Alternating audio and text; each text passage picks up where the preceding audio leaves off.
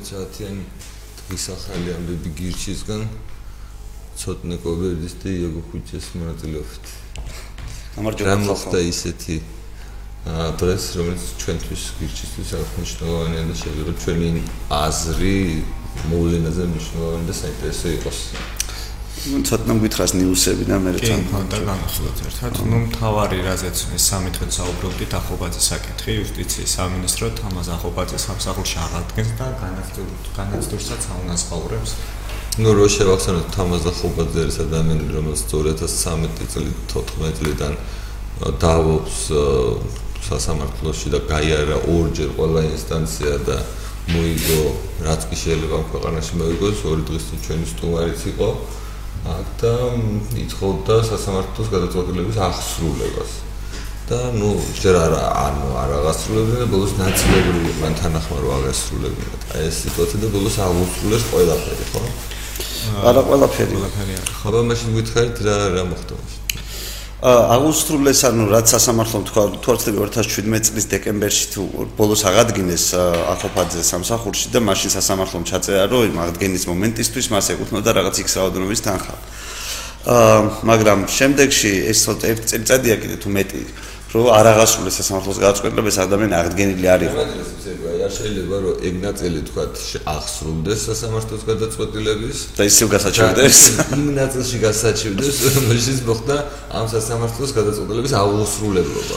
ჩემი აზრით პირველი რაც არის მან საინტერესო ამბავი არის ის რომ ჩვენ ხალხი გვიზის სასამართლოს უპატივცემლობის გამო ციხეში, აი კუპრავა ხო ერთ-ერთი ბრალდება ეგ ქონდა რის გამო ციხეში ზის რომ სასამართლოს პატივი არცა.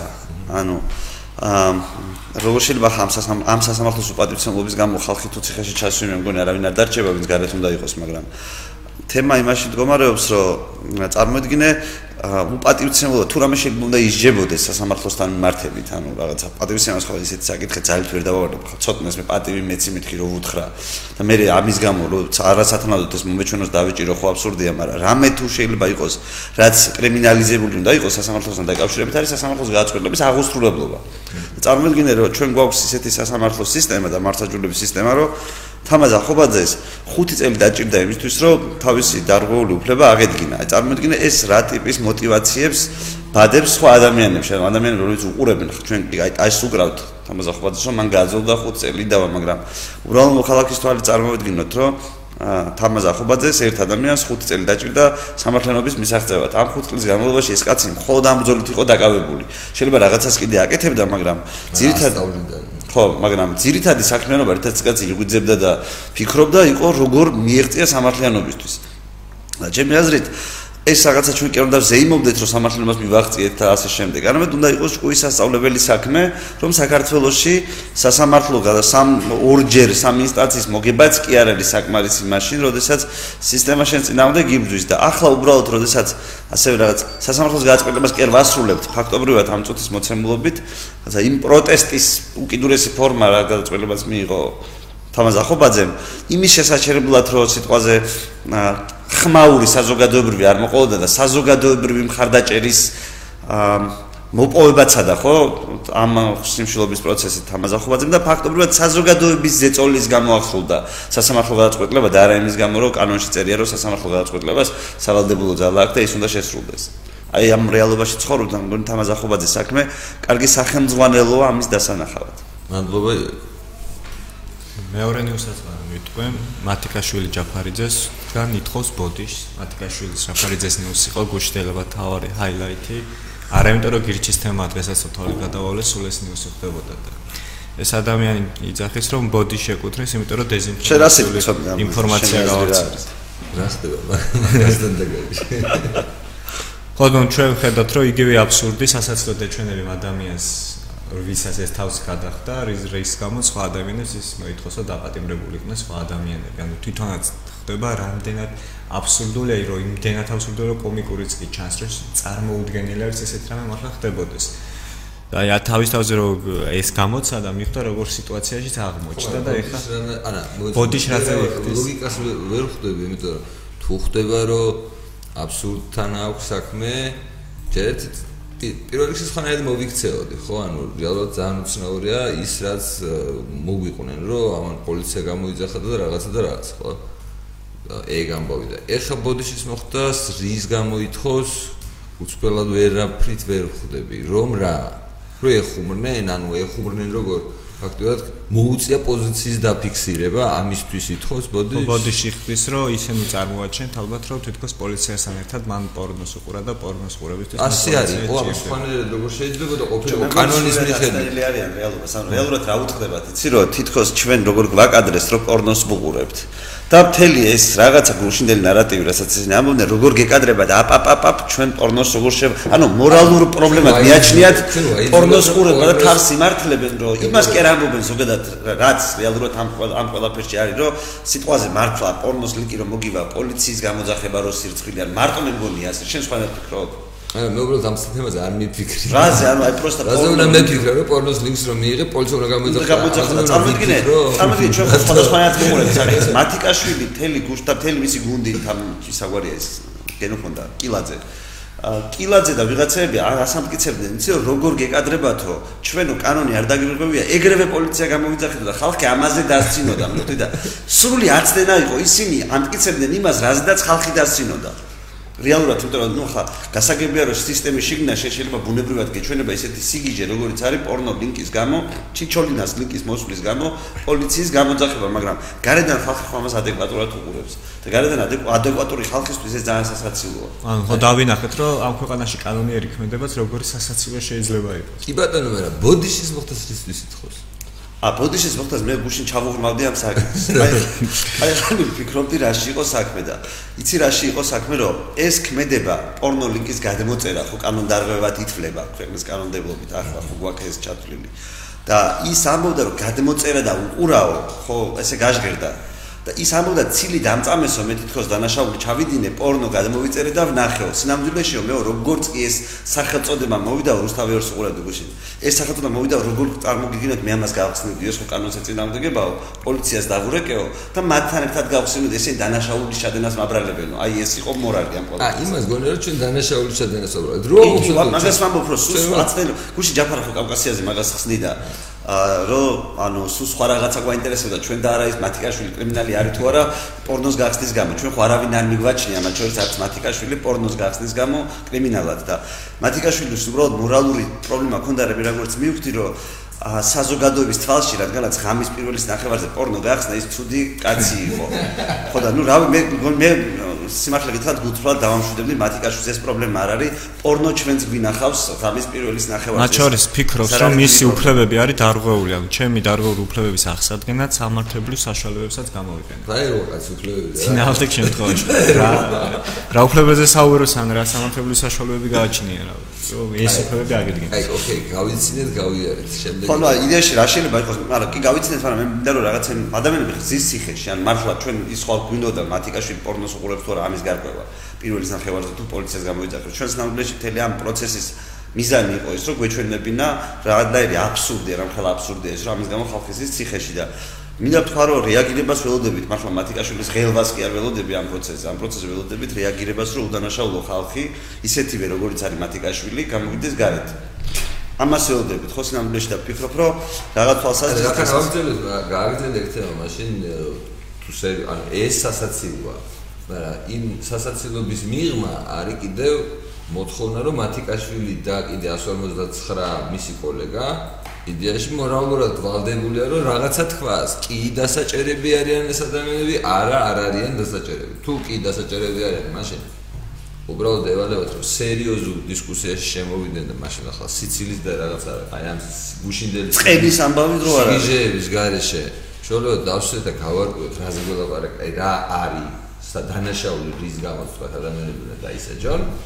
თუ არა და მაშინ უნდა თქვან რომ მათი მიღებული კანონის გამო არ შეიძლება რომ ვიღაცა წავიდეს და მოძებნონ გზა გუში შენ დასაც ამბობდი.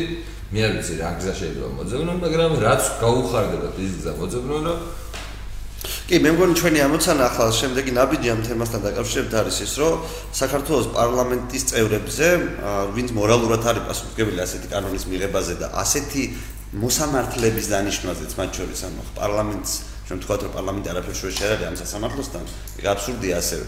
და ამიტომ ფიქრობ რომ ეს ადამიანები რომლებიც თქოს მორალს გიკითხავენ და აპაპაპაპ მე პორნოს არ ვუყურებ რომ იძახიან პოლიციის გარეშე. პოლიციის გარეშე ამ ხალხისთვის მე მგონი საზოგადოებისთვის ვალდებულები არიან რომ საზოგადოებას აუხსნან რა კანონი მიიღეს ისეთი ამათმა რომლის გამოც 16 კაცი ზის ციხეში თუ რაც 16 ემუქრება პატიმრობა სამი ზის აბსურდის გამო, სრულიად აბსურდის გამო ამწარებენ ადამიანებს ხო? ესეთი თემა, როცა შენ ასეთ რამის გამო ციხეში არ მოჩდები, სამართლობისგან ხო შეიძლება გამწარდე ადამიანი, უბრალოდ და რა ვიცი, და მართლა ჩაიგინო დანაშაული, ამას ესო გადაკეთება თავს, აი ჯერ ერთი ავტორიტეტის გატეხვა მორალური, რომ თითქოს რაღაცა შენ პორნოებს არ ცელებდი და ამის გამო ციხეში მოხდი, ჩვეულებრივი ხალხი ამბობენ ამას, ხო, ადამიანებზე, რომლებიც ჩვეულებრივად სახში არიან რაღაც, რა ვიცი, არა არა საერთოდ არ შეიძლება არ ვიცნობენ ეგაბესელიას სახელს.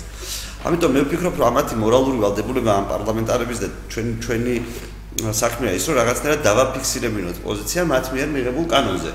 მათზე უკეთესად ფორმალურად, ხა ცხადია სერიოზულად კი ნუ მიიღებთ ამას, მაგრამ ფორმალურად ამ პარლამენტის წევრებზე უკეთესად ხო არ მინარ და იცოდეს ამ კანონის შინაარს. მათი მიღებულია ბოლოს და ბოლოს და მათ უნდა იცოდნენ რა მიიღეს. და ფიქრობ, რომ არიციან ხო სინამდვილეში. ანუ რეალურად აი რომ გულწრფელად გულზე ხელზე დავიდოთ 150 კაცი, აი მარტო რომ გამოვკითხოთ, შეიძლება მართლა გულწრფელად არ იცოდნენ შინაარს. არა, შეიძლება კი 100%-იანი არ იცოდნენ, მაგრამ იქიდან 90% პარლამენტის 90% უბრალოდ არ იცოდნენ რა კანონზეა საუბარი. საერთოდ, როდესაც ხელს უწევენ, მაშინაც არ იციან რა კანონს გებულობენ. 90% სულ ასე იყო საქართველოს პარლამენტში. მაგრამ ამ წუთის მოცემულობით მე ვფიქრობ, რომ ერთ-ერთი ისეთი ყველაზე გასაგები ნაბიჯი ჩვენგან იქნება, რომ პარლამენტარიზმს თხოვოთ, რომ ეს ადამიანები გარეთ აღმოჩნდნენ. მათ შეუძლიათ გამოიყენონ პირადი თავდებობა პირობითად ამისთვის, რომ სიტყვაზე სასამართლოს მიმართონ იმით, რომ თავდებში ჩაუდგნენ ამ ადამიანებს, რომ ეს ხალხი გარეთ იყვნენ და ჯერ და მე ვიფიქროთ ასეთი საკანონმდებლო ბაზას რა ვუყოთ, რომ ესეთ რისკებს რო შეიცავს. აა ერთი ეს გზა შეიძლება იყოს. მეორე გზა შეიძლება ის იყოს, რომ ჩვენ ვიცით, რომ საქართველოს პარლამენტში არსებობს ხალხი, რომლებიც მეგობრობენ მოსამართლეებთან. ეს ამ ეს ხალხი ლობირებს ამ მურუსიძე ჩინჩალაძის სასამართლოს ხო ვიცით და ფაქტობრივად ჩვენ ხო ეს ის სიტყვით თუ ეს ეს ხალხი ვიდეო ახლა ამბობ იდეაში წამყვანი ძალაა ქართულოცნების კი ქართული ოცნების წამყვანი ძალაა და გარდა ამისა ეს ხალხი არის პასუხისგებელი სასამართლოზეც და ამ კანონის მიღებაზეც. და ჩვენ უნდა დავაფიქსიროთ ახლა რაღაცა იმით მორალური იმით რომ გელაპარაკებიან პოლიციის გარეშე რომ პორნოს არ უყურებენ ეს ხალხი მათი პოზიციები უნდა დავაფიქსიროთ აა უდანაშაულო ადამიანები მე ჩვენს ის გუში მათიკაშვილი რაღაცას ამბობდა რომ ეს ხალხი ციხეში არ უნდა იჯდეს თან ბოლომდე ვერ ამბობდა მაგრამ რაღაცა სადილძელო საუბრობდა რომ თითქოს გული შესტკივა ამ ხალხზე. და თუ ხალხზე გული შესტკივა მაშინ ჩემი აზრით კონკრეტული ნაბიჯებია გადასადგმელი და მე მგონი უნდა ჩამოვაყალიბოთ დღეს თუ რა ნაბიჯები შეიძლება იყოს ეს რომ შევთავაზოთ საქართველოს პარლამენტს. გამოსავალი რაღაც თვალსაზრისით მათი მორალური გამოსავალი იმიტომ რომ შენ როცა შენ მიერ მიღებული კანონით ანა არაშიძე მოხდება ციხეში ისე როგორც ის მოხდა ციხეში მაშინ უნდა გესმოდეს რომ ეს კანონი არ არის სამართლიანი. მეტი რა ვიცი მეტი რამტკიცებული ვარ ჭირდება პარლამენტის წევრს იმისთვისაც ჩვენ ვუყურებთ ბოლო დღეების განმავლობაში ამ თემაზე. სხვა რა უნდა იყოს იმისთვის რომ დაიწყოს რომ შეხედვა არ უნდა ხა ეხ რაღაცა ძალით შევახედეთ თუ რაღაც რუსთავი ორმა შეახედა თუ როგორ როგორც მოხდა რა. ანუ თორე სინამდვილეში არ არის სურვილი რომ რამეს შეხედონ და პრობლემა დაინახონ მე მაგას ვერ ხედავ ანუ უბრალოდ სიტუაცია უნდა მოვაწყოთ ისეთი რომ მეტი გზა არ იყოს ეგრე წარმომიდგენელი შეიძლება მაგაში რაღაც თვალსაზრისით საკონსტიტუციო საარჩევნოც ითამაშოს როლი. როდის იქნება სწორედ საკონსტიტუციო საარჩევნების დრაფტი დღეს იქნება ჩვენ მოგად გავივლით დღეს და ორშაბათიდან შეგვიძლია გამიხილოთ უკვე საჯაროდაც აი ბატონო მაშინ გადავიდეთ სხვა თემას კიდე რა პატარ-პატარა საკითხები მაქვს, ანუ ჩვენ რაღაც თემებს ხომ ესულობი რომ თქო მე დღიდან დღემდე იმთხევა რომ ერთ და იგივე თემები აპდეიტდება და ჩვენც ამას მიყვებით ხოლმე და მათ შორის ესეთი იყო ზონალური პარკირების საკითხი. რას პარკირებასთან დაკავშირებული? პარკირება. კი, რასაც კახიკალაძე გამოიხმაურა, ანუ Facebook-ის საშუალებებით ამაზე დიდი რაღაც პროტესტი და ერთი ამბავი იყო, მათ შორის ალბათ ჩვენც გულისხმობს, ჩვენც ამ თემას მიყვებოდით და მისი კომენტარის შემდეგია რომ მოცემულ რეფორმას ამართლებს იმით, რომ ჩვენ არაფერი ახალი ველოსიპედი არ მოგიგონიო, გადმოვიტანეთ იმ ევროპული ქალაქები და რომელიც თქვენ ყველას მოგწონთ. ეს იყო ერთი არგუმენტი და მეორე იწახის რომ შეიძლება თქვა ამ პარკირების ამბავი ესეთია, რომ თბილისში და სხვადასხვა ცენტრალურ უბნებში უფრო მაღალი გადასახადი იქნება და სადღაც ნაკლები, ანუ რეალურად კიდევ უფრო გაძვირდება რაღაცა ტრანსპორტის ყოლა იმ ადამიანებისთვის, ვინც მათ შორის ამით ამაყობს და ამბობს, რომ მოცემული ინფორმაციითაც 25%-ით არის გაზრდილიო მეტროს მოხმარება. გაუხარეთ ეს უნდა გვიხარო ის რას ნიშნავს ეს. კი ანუ ეკონომიკაში არსებობს ესეთი ცნება inferior goods ანუ დაბალი ან ისეთი პროდუქცია, რომელიც ადამიანების რაღაც გაღარიბების მომენტში მისი მოხმარება მატულობს. ასეთი არის საზოგადოებრივი ტრანსპორტი, რაღაცა პირველადი მოხმარების საგნები და ასე შემდეგ. მეტყურს კიდულობს ხალხიო როცა იტყვი მაშინ როდესაც ნამცხრის საკიდელი ფული წაართვი ხო რა ანუ მეტროში მეტროთი თუ გაიზარდა ადამიანების რაოდენობა მოსარგებლად არის ის იმას ნიშნავს რომ ისინი ვეღარ სარგებლობენ უფრო კომფორტული ტრანსპორტით და ანუ მართლა რა ვიცი აბა ან მე მგონი რომ მანდა ჩვენი ღირებულებებია განსხვავებული ჩვენი ვაჩნია რომ ზოგადად ქალაქში კომფორტული გადაადგილებისთვის საჭიროა რომ ახალ გზებს და ესტაკადებს ვაშენებდეთ და ამ ესტაკადებს ყავდეს. კარგი მანქანები ყავდეს და ამ ესტაკადების სიარული ვისწავლოთ ისე როგორც ჯერ მათი მშენებლობა. ამის ნაცვლად ამათ მიაჩნიათ რომ კარგი აქვს თუ ადამიანებს ღარიბ ადამიანებს თუ ჩამოვართვათ მანქანებს და მხოლოდ დიდრები ივლიან. და ნებისმიერი რეგულირება რომელსაც ახლა შემოაქვს საბოლოო ჯამში რა ვიცი გოგითო ფაზეზე ხო არც ერთი არ ცხელდება კაცო საბოლოო ჯამში. ყველა რეგულირება ცხელდება ღარიბებს. ანუ წარმოიდგინე ხან ივანიშვილი. ხო ამ ბიზნესა ივანიშვილი. ანუ ფაქტობრივად გვაქვს დღეს ესეთი მორალი რომ ის არა ქვია კახა კალაძე მოგვიწოდებს ფეხით სიარულისკენ რომ მანქანა არ გავაჩეროთ და ამ დროს უბრალოდ უნდა ვნახოთ კახა კალაძის გარაჟი რამდენი მანქანა ყავს მას. და არსებობს ქვეყანაში მარტივად რო იმოძრაოს ხო მარტივად რო იმოძრაოს ქალაქში. ვინ სიდაის ობიექტურად ხო ამას მოყვება შედეგად ის რომ ადამიანები რომელსაც ფული აქვს და აქამდე საცობში უწევდა დგომა ის მათ არ მოწევთ საცობში დგომა. ღარიბები რომელიც ცუდი მანქანა დადიოდნენ ნივლიან ფეხი. და ეს ყველა მეტროთი. ან მეტროთი და ეს ეს ყველაფერი ესეთი რეფორმა კეთდება ღარიბი ხალხის საკითხი ხდება. ანუ მე არ ვიცი ობიექტურად ანუ წარმოიდგინე ევროპის ქალაქების საერთოდ მოგწონთო აუ ადარებთ ევროპის ქალაქს თბილისს სადაც არც ჯერ ღარიბია ხალხი.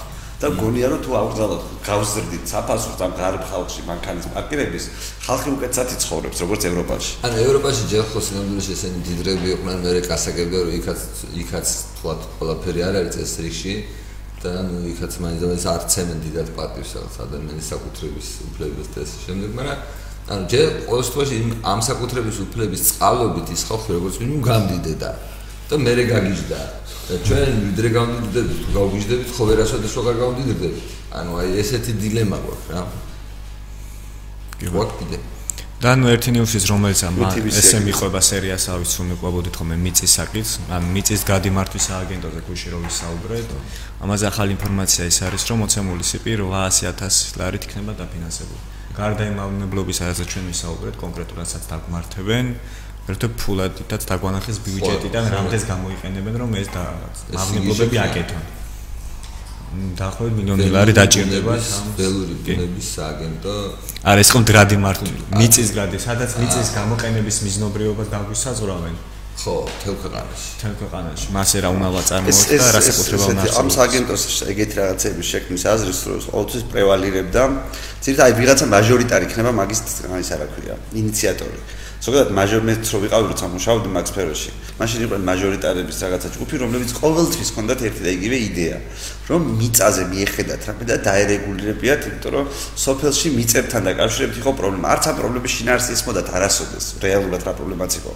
არც რეალურად რამის მოგვარება უცდიათ. უბრალოდ მიწა იყო დასაცავი და რაღაცა სულ რეგულირებას ითხოვდნენ რომ თითქოს ვიღაცას ეს მაგალითად ტორფიანი მიწა არ განადგურებია, ტორფი არ მოეშორებია, სადმე არ წაიღო, ასეთ რაღაცაზე ფიქრობდნენ. როგორც ჩანს ახლა ვეღარში პოლიტიკური კონტროლი განს მოშლილია ბიუროკრატიაზე, ამ წუთის მოცემულობა და პატრონი არავინ არ ყავს, როგორ შეიძლება ეს ბიუროკრატია.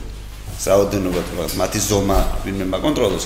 როგორც ჩანს აიშვეს და ანუ ეს რაღაცა დიდი ხნის ოცნება რაც იყო, არ ვიცი უბრალოდ რა შინაარსი ვიცი 300-300, უბრალოდ ფულის კეთების თუ რამე კონკრეტული ტიპის მავნებლობისაც ამას და მაგალითად ნიადაგის ناقოფიერი ფენის მოხსნის, შენახვისა და გამოყენების ქუიაროვის განსაზღვრაში მონაწილეობის მიღება და მონიტორინგი. აი ტორფი რომ მოხსნა ნიადაგიდან ნებართვა რომ დაჭირდეს, მაგ ეგ მიიღეს. ეგეთი ეგეთი ბოდვები არის. აი ჰუმუსის ამბავი თამაში შევა სავარაუდოდ. რომ მეგვიტეში არ წაიყოს ჰუმუსი ქართულ. ხო, მე მგონი კიდე ასევე, არ ვიცი, რა მაგ ტიპის სისტემა იქნება საინტერესო. ტიპის იყო გუშინ ასევე ესეთი. აკცენტურიტაში. კი, ჩემთან ეს მავნებლობები მორჩა. იაგო, ანუ შენ წარმოგიდგენთ რა ტიპის სისტემაზე გვინდა რომ გამოვხოთ ყოველდღე ფაქტიურად მაგ თემას მიყვებით და საუბრობთ. ეხლა რაც ახალი განცხადება იმასთან იყო დაკავშირებული ჭუტად წერეთ ვახტანგ წერეთელი ახლა ჭუტა. ხო, ატო წერეთელი, მამაშვილი ორივე ჭუტა წერეთელია. მაგასთან დაკავშირებული ამბავი მინდა რომ მოგყვეთ. აა მე ვკითხულობ შინაარსი რა არის კიდევ შინაარსი წავიკითხე მაგალითად უფროსი ავტოწერ ავტოწერეთელი ავტოწერეთელი ავტოწერეთელი არის უფროსი უფროსი ხო ავტოწერეთლის აა განცხადება იყო ძალიან საინტერესო რომ რაც არ უნდა იხტუნაონ მან ფულის გათეთრება გამორიცხულია და ეს არის მართალი რეალურად. ტექნიკურ ფაქტობრივად მართალია რომ ის ფულის წარმომავლობა ცნობილია. კი და გარდა მაგისა ნახე რატო რატო მე ჩემი აზრით რატო პრევალირებს ამ საქმეში ფულის გათეთრება? სხვა ნებისმიერი ბრალდებით რომელიც შეიძლებოდა სიტყვაზე თაღლითობა მოტყუება აქციონებს რაღაცა შეიძლება მოიფიქრებიათ ყველა მათგანი იყო ხანდაზმული ამიტომ პროკურატურა მოძებნა არახანდაზმული ნორმა ფორმალურად და მიუხედავად იმისა, რომ აი მაგალითად კვლელობა რომ შეეფარდებიათ, თქვათ, რაღაც კვლ შეეფარდებიათ და ფორმალურად რომ ამაზე საქმე აღძრან. ფულის გათეთრებასთან ის კავშირში არ არის, საერთოდ კავშირში არ არის, ფულის გათეთრების ნაწილში საქმე შესაძყვეტია. მაგრამ რა მნიშვნელობა აქვს, ანუ რაღაცა სქემა შეიძლება. რეპუტაციული ზიანი იყო მიზანი მიზანი ხო რეპუტაციული ზიანი ხო ხა მეორე ამ წუთას რას დაგაბრალებენ და ამ ეს სასამართლო რას დაგიმტკიცებს ეს კიდე ცალკე თემაა მაგრამ მე ძალიან მომეწონა ზოგადად ავტოწერეთლის ესეთი ისეთ მაგ გასაგები განცხადება რომ რაც არ უნდა იხტუნაონ ფულის გათეთრება გამორიცხულია. ფულის გათეთრება გამორიცხულია იმიტომ რომ ის სხვა რამეს ნიშნავს. და ის სქემა რომელსაც პროკურატურა მიუთითებს არის სქემა ჩვეულებრივი სქემა რომელიც შეიძლება იყოს ავიცი რომელიც ადამიანები ხო სხვადასხვა სქემებს ფიქრობთ იმისთვის რომ ჩვენი კომპანიებიდან ფული მართოთ რაღაცა ფორმით. და ეს სქემები სხვადასხვა დროს სხვადასხვანაირია სქემის თავარი შინაარსი მდგომარეობს იმაში თავარი ის კანონს არ ეწინააღმდეგებოდეს ანუ ამის გამო ადამიანი არ დაიჭირო. კანონს რო ეს ეს რო ყოფილიყო კანონს აწინააღმდეგო. ანუ დარგლეულიყო კანონის კონკრეტული ნორმები რომლის გამოც ვიღაცა დასაჯელი იყო აა მაშინ რამაც 11 წელი არ დაჭირდებოდა ამის გამოძიებას თან 11 წელი ისეთ პირობებში როდესაც ეს ინფორმაციები არის საჯარო. ანუ არ ვინმე სხვა არ უთქვია რომ ეს დამალული იყო გამოიწოდა და პირველივე თვიდან ხო პირველივე თვიდან. მიიღო რა რომ ბანკში ასეთი ოპერაციები განხორციელდა. ხო. აქედან გამომდინარე მე მგონი ისეთი გასაგები საუბრები რომ რაღაცა ჩვენ თანამშრომლობთ რაღაცა კი არა რომ რაღაც არის გამორიცხული. ჩემთვის ისეთი იყო. ვფიქრობ რომ რას ცulis რას ცulis აი ცulis იმას რომ ამ შემთხვევაში ამ შემთხვევაში ეს საქმე მარტო TBC-ს არ უკავშირდება. ჩემი აზრით ეს საქმე უკავშირდება ილიპა TV პირველსაც მედია საშუალებასაც. ჩემი აზრით ჩვენ ახლა თუ ბრმები არ ვართ უნდა დავინახოთ რომ თუ ხელისუფლება ამ ბრძოლაში შედის მარტო TBC-ს არ ებრძვის ანუ მისი ბრძოლის თუ ახლა ავტოწერეთას ებრძვის ეს გამოდის რომ TV პირველიც არ მოწონს მაინც და მაინც და თვალში პატარავება აქედან გამომდინარე როდესაც ეგეთი ადამიანი გამჭვირვალე განცხადებას აღწელებს და ამბობს რომ ის რაღაცა ბრძოლის განწყობაზეა, ხო? ეს ხო ამას ნიშნავს, როდესაც შენ ამბობ, რომ ფულის რაც არ უნდა იხტუნაონ, ფულის გათხრება გამორიცხულია. და ეს ზოგადად ცუდი არ არის, ჩემი აზრით, ნიშნავს იმას, რომ რაღაცა ის ეჭვები, რომელიც არსებობდა, ბრძოლა იქნება თუ არ იქნება თუ ვიღაცა დანებდება, ერთგვარად ისეთი თამამი განცხადება, რომელიც შემდეგში უცბად უკან დახევის საშუალებას არ არ მისცემს ამ სიტყვების ავტორს და ჩვენთვის კარგი საერთო საინტერესო ხდება ცხოვრება და საინტერესო ხდება და თან უსამ ჩემი აზრით ხო უსამართლობა ეს თემისთან დაკავშირებული ამბავი ანუ უსამართლობა პოლიტიკური რო არის ხო ფაქტი არის დარღვევა არსებობს თუ არ არსებობს იმაში ვისაც დავებიან დარღვევის არსებობა არ არსებობა კი არ განსაზღვრავს პოლიტიკურობას ამბისას განსაზღვრავს მაგალითად რა ვიცი პოლიტიკური პატიმრები ხშირად არიან დამნაშავეებიც ან მათ ჩადენილი აქვთ რაღაცა სისხლის სამართლის დანაშაული მაგრამ არიან პოლიტიკური პატიმრები ამის მიუხედავად. სისხლის თუ რა ნებისმიერი დარღვევა. მოცემულ შემთხვევაში პოლიტიკურად ამას აქცევს არა ის დარღვევა არის თუ არა. მაგალითად პროკურატურა მომს დაადგინოს ამ საქმეში რომ რაღაცა X დარღვევა არის დავა იქნება პოლიტიკური იმიტომ რომ პოლიტიკური კომპონენტი რო არ ყოფილიყო ამ ამ ამბავში ეს დავა არასოდეს არ დაიწყებოდა. არასოდეს არ იქნებოდა აქტუალური. პოლიტიკურმა ნაწილმა აქცია ეს დავა აქტუალურად ამიტომ არის პოლიტიკური. როდესაც რა ვიცი ადამიანის სიტყვაზე ვიცით რომ ქთამს იღებდა პირობითად სადღაც ვიღაც ქთამს იღებდა მაგრამ არ ვეხებოდით რა ვიცი სამი წელი სანამ პოლიტიკაში არ იყო ეს კაცი აქტიურად. როგორც ეს კაცი ჩაიღო ჩაერთო პოლიტიკაში რომ დაიწყოს მის მართ გამოძიება, კი დარღვევა შეიძლება იყოს და თამი შეიძლება იყოს, მაგრამ ეს დავა იქნება პოლიტიკური, იმიტომ რომ იმან კი არ დარღვევამ კი არ განაპირობა საქმის აღძურა. განაპირობა პოლიტიკურმა პროცესებმა, პოლიტიკურმა აქტივობამ, რაც არ უნდა განაპირობებდეს. საინტერესო რაც შედეგასოს 2003-ის შემდეგ, როცა აი ახალი მაშინ გვარდების რევოლუციის შედეგად ხელისუფლება შეიცვალა და აა ძინა ხელისუფლების პოლიტიკური თანამდებობის პირების მიმართ რო დაიწყოს ეს სამართლის დევი. ანუ ერთის მხრივ ხო ცნობილი იყო მანდატ ლოგიკურად რომ ისინი ყოველთვის იღებდნენ ქთამს. ანუ ყველა რაღაც მაღალ ჩინოსანი შევარდნის დროს იღებდა ქთამს. მაგრამ ყველა ხო არ დაიჭირეს. ანუ შესაბამისად ვიღაცები დაიჭირეს ვიღაცები არ დაიჭირეს ხო? ანუ რეალურად ეს პროცესი პოლიტიკური ანგარიშტორების პროცესი იყო. იმ იმად თუმცა მეორე მეორე მხრივ მეორე მხრივ ხო ანუ პოლიტიკური მხარდაჭერაც ქონდა ამ პროცესს. ანუ საზოგადოებრივი მხარდაჭერაც ქონდა ამ პროცესს. მაგრამ უსამართლოც იყო რაღაცა გაგებით. პოლიტიკური საზოგადოებრივი ხარდაჭერა შეიძლება კონდეს ანუ საზოგადოებრივი ხარდაჭერის გადასაწყვეტი არ არის ადამიანი კრიმინალია თუ არა ეს საკითხი საქმე ამაში მდგომარეობს. როგორც კი შეიძლება თქვა ხო უბრალოდ აი დილემას ვაყენებ რა. ანუ ერთის მხრივ სიტყვადები და ხე ჩხაიძერო იყო ანუ ვიღაც გამიშალობა აქვს ანუ ის თავის დროზე დაიჭირეს თუ ფული წართვის მნიშვნელობა არ აქვს. რაღაც კოჩი სახელმწიფო რეპრესიის ის გახდა ობიექტი ხო? ანუ ეს ადამიანები ყველამ ვიცოდით რა როგორებიც იყვნენ, რომ იდეაში რაღაცა სისხლის სამართლის თუ რაღაცა დანაშაულს ჩადიოდნენ, მაგრამ მხოლოდ მას მერე დაისაჯნენ, რაც პოლიტიკურად მათი დაჟჯა გახდა შესაძლებელი. ხო ესეა? მაგრამ ვიღაცები გადაურჩნენ ამ პროცესს. ხო შენი აზრით სწორი როგორ არის? ჩემი აზრით სწორი არის ისე, რომ ნუ თუ ადამიანი არ არის მოკლული, როცა იცი რომ ვიღაცა ადამიანი მოკლა, ის ჩემი აზრით დასაჯელი გექნება ნებისმიერ შემთხვევაში, მაგრამ თუ ჩვენ მივდივართ იმით, რომ თუ რაღაცა ხელისუფლება ყავდა ისეთ რომ ხშირად ჩადიოდა, რომ მაგალითად შევარნაძის დრო იყო, ხო, ხო მაგალითი ეგ მოიყვანა.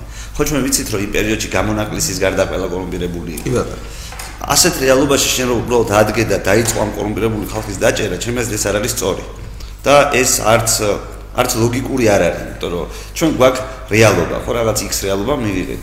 ამ რეალობის თვალის დახუჭვა და არ აღიარება ამ რეალობის და თქვა რომ იცი რა ეს რეალობა იყო ისეთი რომ ხალხი კანონს არ ღვევდა და მე ადამიანს ვინც კანონი დაარღვია შეგვანმაზი დროს ყველა ციხეში ჩავსვამ, ეს არის აბსურდი. იმიტომ რომ რეალობა გქონდა.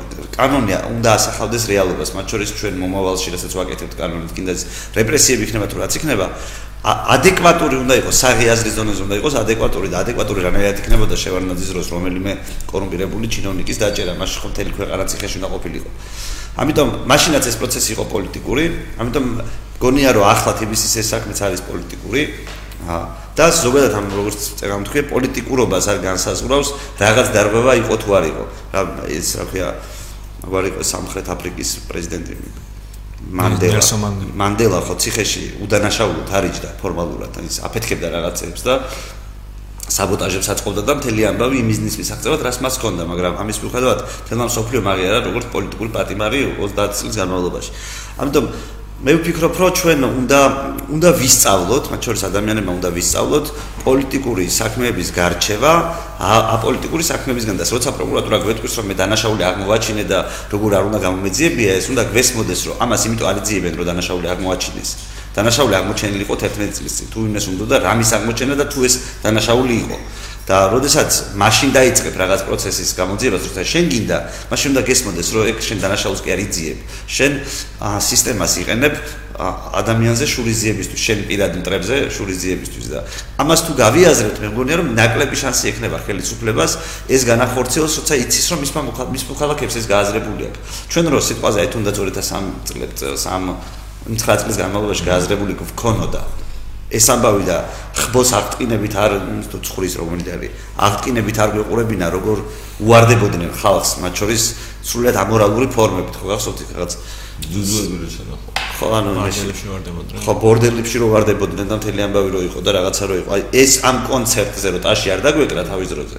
და მაგ კონცერტზე ყოფილიყო ესეთი ჯანსაღი რეაქცია რომელიც აზრიან საზოგადოებას უნდა გააჩნდეს ხელისუფლების კონტროლის მიზნით. ზოგადად ბევრად უფრო თავისუფალ ქვეყანაში ცხოვრობდი დღეს და თუ არ დავუშვებთ არც ერთ პოლიტიკურ საქმეს და რაღაცა როცა გვესმის რომ პოლიტიკურია საქმე და ვიღაცა კუტენის თვითონ სამართლიანობის აღდგენას ამას არ გავატარებთ.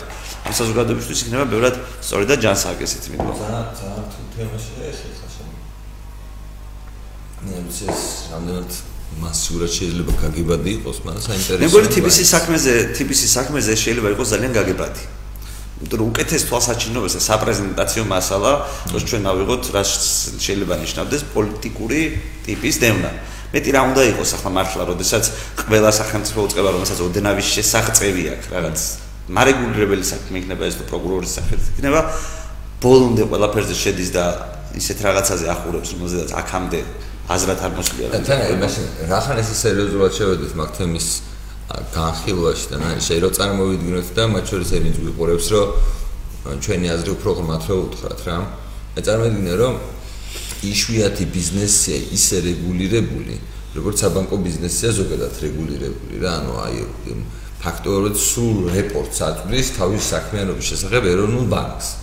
პლუს ამისა, გარდა უბრალოდ როგორც რაღაცა დაქვემდებარებული კი არ არის. ეროვნული ბანკის ფუნქციების განხორციელებაში აქვს ობიექტური როლი. ანუ ეროვნული ბანკი კომერციული ბანკების გარეშე დღევანდელი წესრიგით ვერ მოახერხებს მონეტარული პოლიტიკის წარმოებას, მე.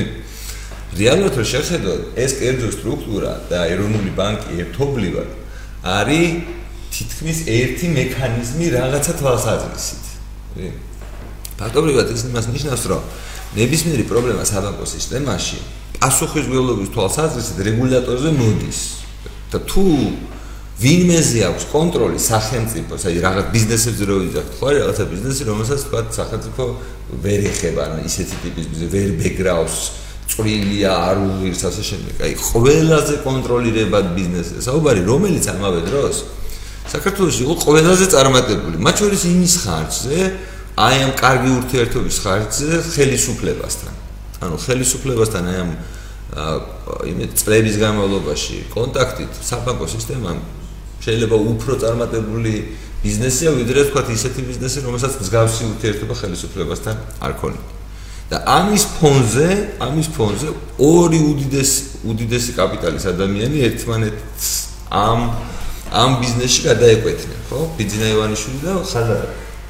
პლუს ესე იგი გამოდის რომ ამ საქმეში ხაზარაძის მხარეს გადადიან სხვა ბიზნესმენები, ანუ ეს იზოლირებული ბრძოლის რაღაც ის კი არ არის ობიექტი ამ შემთხვევაში. ეს ეხება რომ ხაზარაძე თუ წაიქცა, თვითონ წაიქცევია. ხო და მოკლედ აი მაგ მაგისკენ მივდივარ, მაგაზრისკენ მივდივარ, რომ ეხლა რეალურად ხდება ესეთი რამე ქვეყანაში, რომ პირველად საჯაროდ სხვადასხვა ბიზნეს კოალიციასავით იქნება სხვადასხვა ბიზნესებს შორის, რომლებიც გასაგებია რომ შეიძლება დღეს არ მიადგნენ ჭუტაწესს და მის წინააღმდეგ არ არის რაღაც საქმე ახლა. შეიძლება არის კიდეც კი, ინიციალებით მოიხსენიეს და უმცროსმა ჭუტამ თქვა რომ აგერავა რომ მე მე ვარ ის კაციო და ინიციალებით მომიხსენიებთო, ისედაც ვიცი ვისაც გულისხმობთო მოკლედ. მოკლედ მამაშვილის მამაშვილის პოზიცია ჩემი აზრით იყო სწორი. ხო, მაშინ გამოდის ეს ეს ეს ეს ჯგუფის ფაქტობრივად იძულებული ყოფილა ამ ბრძოლაში რომ შესულიყო. მაგრამ ჩემი იდეა რო გავავითარო, რეალობა არის ის, რომ ვინ კიდე შეუერთებიან ის ბიზნესმენები, რომელსაც დღეს კონკრეტულად პროკურატურაში არ აქვს საქმე. მაგრამ იდეაში ესმით ის საშიშროება, რომელზეც ჩენი ლაპარაკე, რომ ნომერ პირველ ბიზნეს დაუდგა, ვიღაცა მის კონტრაქტორ ბიზნეს დაუდგა, ასევე მსხვილს და სრულად შესაძლებელია, რომ ნებისმიერ ბიზნეს კონდეს ანალოგიური პრობლემა და აი ამის გააზრება კიდე ძალიან მნიშვნელოვანი იქნება, რომ მაგრამ თუმცა ეს იმასაც ნიშნავს, რომ საბანკო სისტემასა და სახელმწიფოს შორის ურთიერთობის სტანდარტიც უნდა შეიცვალოს. კი, მე მგონი ყველაფრისთვის ეს კარგია, ეს არის კარგი, იმიტომ რომ მათ შორის არის ბიზნეს ხო აქამდე ფაქტობრივად ეძინა ამ ქვეყანაში და ჩვენ მათ ხედავდით მხოლოდ მაშინ, როდესაც მაგალითად თუ აფინანსებდნენ ნაცმოძრაობას, მე რომ მოვიდოდა ქართული ცნება, გადავიდოდნენ ქართული ცნების დასაფინანსებლად. და ძალიან მშვიდად იყვნენ ამ თვალსაზრისით დაალაგებული ხო ხელისუფლებასთან ურთიერთობა. მაგრამ ამ წუთას აღმოჩნდა, რომ ხელისუფლებასთან დაალაგებული ურთიერთობა არ არსებობს ეს ცალკრივად შეუძლია საერთაშორისო ხელისუფლებასავით არის ცალკრივად შეუძლია გავიდეს ხელისუფლებას ყოველთვის ამ მიდან რა ქვია პროცესიდან. და ეს მე მგონი ბევრ ადამიანს რომელიც ახლა აზროვნებს და ფული აქვს და სიმდიდრე აქვს, დოვლათი აქვს, რომელიც წარმატებულია და აფიქრებდა იმისკენ, რომ მათი ეს მეთოდი, ერთადერთი მეთოდი, რომ თავის გადაზღვრების garaშე კარგი ურთიერთობა გქონდეს ხელისუფლებასთან, იმიტომ რომ მათი პირობა, ყველა ხელისუფლების პირობაა, რომ დაზღვევა არ გქონდეს, მხოლოდ მასთან იყოს ბიზნესი. ეს ძალიან საშიში ამბავი არის და თუ ჩვენ ერთხელ გადავტეხეთ ეს ამბავი და ამ ქვეყანაში ბიზნესმა საფრთხე სწორად დაინახა და არა მხოლოდ საფრთხე, არამედ დაინახა პასუხისგებლობა თავიანთი. წარმოიდგინე ვის აქვს უფრო მეტი პასუხისგებლობა ამ ქვეყანაში? აა TBC-ის უფროსზე მეტი პასუხისგებლობა ამ ქვეყანაში ვის აქვს? როდესაც ხვდები სიტყვაზე საითკენ მიდის ეს პროცესი, შენ გეხება კონკრეტულად და შესაძლებლობა ხა სიტყვაზე ვის აქვს? ანიაროშიძეს უფრო მეტი აქვს რომ შეცვალოს სიტყვაზე სიტუაცია ქვეყანაში თუ TBC-ის უფროს. ხო, ეს უბრალოდ გამბედაობის ამბავია, კი, რა თქმა უნდა, გადაწყვეტილების ამბავია. გადაწყვეტილების ამბავია, რა თქმა უნდა, მაგრამ ამი იმიტომ არის კარგი და სხვათა შორის იმიტომ მომწონს ეს პროცესი, რომ მე მგონი არ დაუტოვეს სხვა არჩევანი ამ წუთის მოცემულობით, მე რასაც ვუყურებ, ანუ არ ჩანს სხვა არჩევანი, პროკურატურა ბრიფინგს ბრიფინგზე ატყობს. და ახლა ამ რეალობაში კიდე საუბარი იმაზე რომ რაღაცა მოლაპარაკების რესურსები არსებობს, გონია რომ ისეთი ხალხს, ისეთი ანუ წარმატებული ხალხისთვის, მე მგონი რომ ეს გასაგებია. ესენი ხო უაზრო ხალხი არ არის, ხო მათი ირგვლივ რა ხდება ხო ესმით, ხო? ამ მარტო ხაზარაძეზე არ ვიძახებ, ზოგადად ეს ადამიანების ჯგუფი, რასაც ქვია, ბიზნესმენების ჯგუფი, რომლებიც ქვეყანაში დოვლად საკონტროლებენ მნიშვნელოვნად და გადახდებიან ეს პრობლემები შეუქმნეს. რა? Google-ავა საკითხიც იყო მანამდე, რომელსაც ასევე პრობლემები შეექმნა და ხო, უბრალოდ ისევ შიდა რესურსი ძალაგა, ხელისუფლების შიგნით დაალაგა. იქ რესურსი იქნა ნაპოვნი, ამიტომ არ გასკრა ეს საქმე და ამიტომ რაღაცა არ ხმაურობს, მაგრამ ჩემი აზრით ეგ როგორი თემაა, იცი რომ გასაგებია რომ მაგრო შეიძლება შენ რაღაცა დაალაგე, მაგრამ შენ თუ ხვდები რომ სიტყვაზე TBC ბანკისნაირ ჯგუფსაც კი უბედავენ თავდასხმას ასეთი ფორმებით. მანდ უკვე არანაირი გარანტიები არ არსებობს არავის და მაგას მე მგონი ყველა ხდება ოკეი გვაქვს რამე კიდე საინტერესო? აა საინტერესო მე მგონი ისეთი არაფერი რა ვიცი. დღეს დღეიდან რაღაც რეგულირებები შედის ძალაში ამდენად საინტერესო არ ვიცი. პრავების ამბავი შედის ძალაში ეტიკეტირების წესი შედის ძალაში ქვეყანაში საგიჟეებიც იწყება ეს პირველი მარტია თუ რაღაცა თვის დასაწყისი არის ეს არ შეიძლება გამოხჩეს და ანუ სწორ ამბობთ ხოლმე წინა გადაცემაში აი პირველი მარტიდან ეს თემა პირველი მარტიდან ის ის პირველი მარტია. ეს ლეგენდა პირველი მარტია. მე მგონი გერჩის ამბებზე თქვა ერთი ორი სიტყვა. გუშინ გვინდა და რომ გაგვეკეთებინა ეს განცხადება რომელიც გამოვაქვეყნოთ გერჩის პოლიტიკურ სკოლასთან დაკავშირებით რას ნიშნავს? მაგაზე გვინდა რომ ვისაუბროთ, არ ვიცი რა ფორმატში მოვიფიქრეთ მაგას, რომ ცალკე ახსნათ რა რაზე საუბარი დეტალურად, იმიტომ რომ განცხადებაში სამართული იქნებოდა მაგის თელი აზრის გადმოცემა. და გუშინ საინტერესო რაღაც მეუბნებოდი შენ რომ გუშინ სტუმარი ყო და ტრანსპორტ ბაზარში ანუ მაგის ბერიკაშ ბეკა ბერიკაშუგაკი ბერიკაშუგაკი მაგ ამ ჩვენი შედერი შეხვედრის თავარი რა თქმა უნდა რა ბოლოს გაწყდა და რა თქმა მაგრამ თავარი აზრი ის იყო რომ ჩემთვის ძალიან საინტერესო ის იყო რომ აა ეს ადამიანი ფაქტობრივად ყველაფერზე არ ვიცი რაზეც ვისაუბრეთ დღეს ან მანამდე რაც ქონდა ნათქვამი თითქმის იგივე რაღაცებს ფიქრობს რასაც ჩვენ ფიქრობთ. ანუ სტორის და არასტორის შესახებ განათლებას ბავშვებთან მიმართებაში ახსნასთან მიმართებაში. მაგრამ აი განსხვავებაზე ვიფიქრე რა ანუ რა შეიძლება რა შეიძლება დავარქვათ განსხვავება ჩვენ შორის. და განსხვავება ეს არის რომ რაც არ უნდა კარგს ფიქრობდეთ ან რაღაც ერთნაირს ფიქრობდეთ და მე მეგონოს რომ სწორი ვარ და მასაც ეგონოს რომ სწორია განსხვავება ეს არის რომ მე არ წარმომიდგენია რომ მე რასაც ფიქრობ ამის გაკეთება ვაიძულოს სხვა ადამიანებს. ანუ იმიტომ რომ მე მგონია რომ ესე სწორია. და მგონია რომ ნებისმიერი იძულება თუნდაც ჩემი აზრით სწორის საბოლოო ჯამში ჯერ ამას გააფუჭებს რაც მე მგონია და მე გააფუჭებს ყველაფერ დანარჩენს იმიტომ რომ იძულებით არ წარმომიდგენია რომ რაიმე საქმე გამოდიოდეს ნორმალურად. და ანუ ამის გამოვლინება იყო ერთადერთი გამოვლინება იყო მასშტაბლებლების ანუ ბევრ თემებზე ვილაპარაკეთ ზოგადად მაგრამ მასშტაბლებლების ამბავი რომლებსაც წარმოიდგინე რომ უცბად გაუხადონ ქვეყანაში ყველაზე მაღალი ხელფასების სიტყვაზე ვიძახ თან ესე მექანიკურად რა ანუ კრიტერიუმებს რა ხან მასშტაბლებელი არის მას უნდა ქონდეს ესეთი მაღალი ხელფასი. რომელ მასშტაბლებს უნდა გაუხადონ არსებულებს. ანუ არსებული მასშტაბი აი ვინც ყავს თელის კონტინენტი 40000 თუ რაც ყავს აი წარმოიდგინე მაგას რო ხო ყველაფერი ჩავარდება მნიშვნელობა არ აქვს რა ზე ლაპარაკობთ ანუ ეს იმხელა მან მეგონი მე რას უსმენებ ერიკას მაგას ჯერა რომ გადააკეთებს ამ მასწავლებლებს მან იყო თავი 10 წელი ხო მაგრამ სინამდვილეში რანაირად შეიძლება მაგის ჯეროდეს თუ ანუ იგივე ანუ რაც აზრები ქონდა ამერიკას მაგაში მართლა მეთხოვდით მათ შორის მასწავლებელთან მიმართებაში იმ საბჭოთა ადამიანის მენტალიტეტის დარჩენაში ჩვენ საზოგადოებაში რაც არის თავარი პრობლემა. არ მყავს ხო თანხმდებოდით და ეს ვისი პასუხი მურუსიძის ჩინჩალაძის ამბავია ახაც რა. მურუსიძე ჩინჩალაძე თუ გამოსწორებადია და თუ შესაძლებელია რომ შეგვიძლია ჩვენი შვილების თავისუფლება ვანდოთ თუ ეს მოსულა მაშინ მასშტაბლებლების გარდაქმნაც მოსულა. ანუ წვენი სამბავია რა. წვენი სამბავია. წვენი სამბავია. თუ მე მჯერა რომ ურუსიძე შეიძლება გარდაიქმნას და ანუ თელი ჩემი ცხოვრება ამ გარდაქმნის იმედად ვიყო კი ბატონო მაგრამ თუ არ მჯერა მაგის მაშინ რა ვშვები აი მაშინ მაშინ შვები ჩემი აზრით იმას რაც რაც ჩემ რაც მნიშვნელოვანი არის შეთანხმო რაღაცნაირად გასაგები იყოს მათ შორის განათლების სამინისტროს მაღალჩინოსნებისთვისაც რომ სხვა ადამიანებსაც ეს არ ჯერათ კონდეთ იმის გაკეთების საშუალება რის ის ჯერათ. ხო ალტერნატივა არსებობს არსებობს არჩევანი კი არსებობს არჩევანი ხო და ნუ ყოველთვის მე რა დამჩერს დაბეჭდილება არჩევანის გადაკეტვას მე ვერ წარმოვიდგინე, მაგრამ ესეთი რამე თქვა კვერიკა, რომ ნუ მაშინ კერძო სკოლები ბევრი დაიხურებაო, რაც ფაქტობრივად ნიშნავს, რომ რაღაცა თვალსაზრისით შედეგი ამ მოქმედების მე ისი ამჯერა იცი რა ხო? აზრებულია. მე ამჯერა იმისი, რომ მე ამჯერა იმის რომ საჯარო სკოლაში შესაძლებელია დღევანდელი მოცემულობით რაც არის მასშტაბლებლებს როგორც არის მათ 1500 ლარიან ლარამდე გავზარდოთ ხელფასი. მე მგონია რომ თვითონ ეს ფაქტიც კი რომ სკოლაში ხელფასი არის 1500 ლარამდე რაღაცებს ისეც გამოიწვევს რომ შეუძლებელი იქნება რომ ამ ხალხს ეს ხალხი იყოს მაგის რაღაცის შემსრულებელი. მე მაგის ვერ არ მჯერა რომ ეს გამოვა.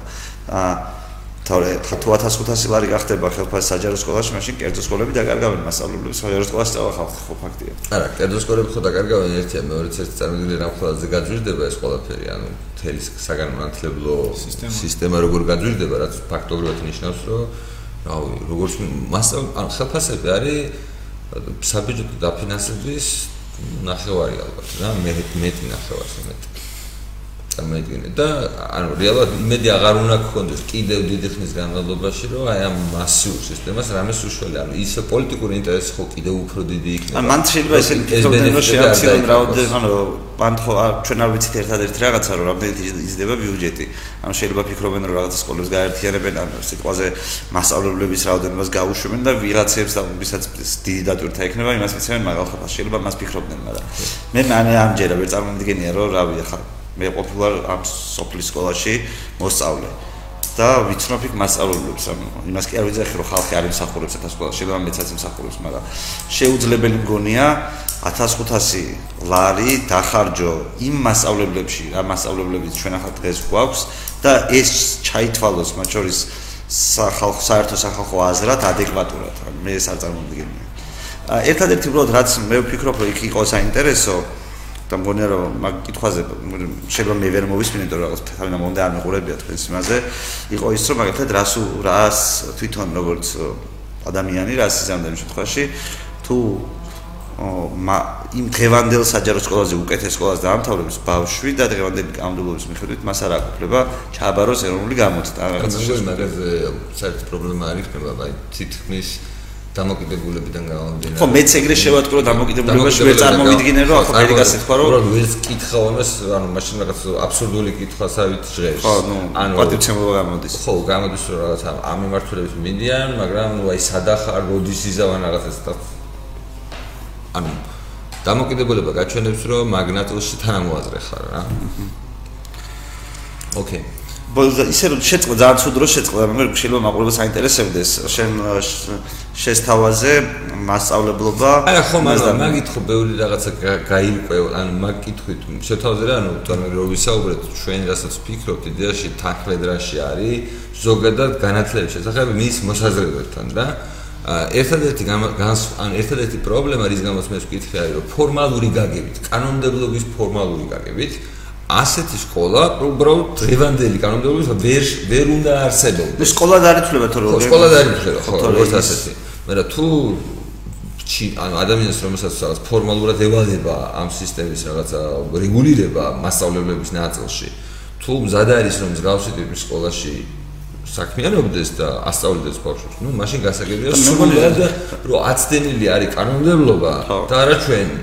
და თან მე მგონი ეს სკოლა შეიძლება იყოს ერთადერთი სადაც ამ ადამიანს საკუთარი შესაძლებლობების და იდეების რეალიზებას კანონი არ შეუშლის, თორე მის ის კანონით რომელთაც დღეს თვითონ ხელმძღვანელობს, იმას უშლის ხელს რაც თვითონ უნდა. მე ესეც ლაბეჭდა დამჭა. ხო, ეგ არ ვიცი როგორ არის. აი, შეგვეუბნებოდი იმაზე, გეტყვი რა ნაწილში. შეგვეუბნებოდი იმაზე, ერთიან რომ გეგმაზე, სადაც ყველაფერი არის გაწერილი. იმან თქვა რომ რაღაც 60 გვერდამდე ჩამოიყვანეს ფინეთშიცო, ანუ რაც მიუთითებ და იმას რომ დიდად პატივს არცემს ამ დოკუმენტს, მეორეც მის მნიშვნელობა ბევრად უფრო დაბლად მიაჩნია ვიდრე მაგალითად სკოლის მიერ ავტონომიურ რეჟიმში გაკეთებული საკუთარი შინაარსი ესმის მე შაბეჭდა დამჩა მაგ ბოროტების შინაარსი ესმის საქმე იმაშია რომ უბრალოდ არ ამბობს რომ სკოლას ამის კონკრეტულად დღეს ამის უფლება არც აქვს. ანუ დღევანდელი კანონმდებლობით, რაც მან თქვა რომ კარგი იქნება რომ სკოლამ თავისი შიდა თუ სპეციფიური გეგმა გააკეთოს, ამის უფლება ჯერჯერობით არ აქვს და ეს კანონი შესაძლებელია და ის რა თუ აა ბევრი კრიტიკა კი ხდება დღევანდელ მინისტრს, მაგრამ თუ ადამიანი ამას მაინც გააკეთებს, რომ ეს ამის სავალდებულება მოისწრება, ეს ძალიან მნიშვნელოვანი ნაბიჯი იქნება ამ სფეროში თავისუფლებისკენ რეალურად. და თელი საუბარი მეტყველებდა იმაზე, რომ ეს საკითხი თითქმის გადაწყვეტილად, თითქოს პოლიტიკურად გადაწყვეტილად ძალიან ჩაითვლება. ანუ და კიდე რაც მომეწონა ზოგადად არის ის, რომ განათლების სამინისტროს ჩინოვნიკი რა ესე რომ ვთქვათ, აა, როდესაც ესეთი ტიპის გადაცემა შეღებულობს მოწრებას და ეს რაღაცებს ლაპარაკობს, ჩემი აზრით სწორ საქმეს აკეთებს თვითონ ამ იდეისთვის, ან განათლებისთვის უბრალოდ საუბრობთ, აი სულ არაფერი სხვა არ მოხდეს ადამიანებისთვის, განათლების ამისოდან სხვა რაღაცა არის მოსალოდნელი, ამას სხვა რეალდებიან, რომ რაღაცა თავისუფლებაზე და ბაუშზე არა როგორც საცდელ ექსპერიმენტზე და რაღაცაზე, არამედ ბაუშზე როგორც თავარ მოვლენაზე სკოლაში საუბრობს. რაც გონია რომ ისეთი იყო, ძალიან ძალიან კარგად ისმინებოდა, ძალიან კარგი იყო. განათლების სამინისტროს თანამშრომლისგან ჩვენ სხვა რაღაცას ველოდებით, შაშკილსაც ახსენებდით თქვენ გუშინ და შაშკილის დროს რაღაც ხო გვახსოვს რომ ბავშვები იყვნენ პატარა პატიმრები. რომელსაც ციხეში კარგად ქცევა უნდა ესწავლათ. აი ეგიც ის რომ არასწორია და მაგის საწინააღმდეგოს ასხივებს ეს კარგი იყო. აი დღეს მე მგონი ფეხბურთზე ვერ მოусმინე რა მე დღეს მოусმინე ანუ შენ შემდეგ შემდეგში თუ გვექნება ესა შესაძლებლობა რომ ვისაუბროთ აუცილებლად შენც უნდა მოხვიდე მაგ ნაწილში ფეხბურთზე რომ დავიხვანო დღეს გადავაჭარბეთ მე მგონი ჩვენს რაღაცას ნახევარ საათიან ფორმატს და 50 წუთი ვიყავით ეთერში. აა დროებით და გემშვიდობებით. მადლობა.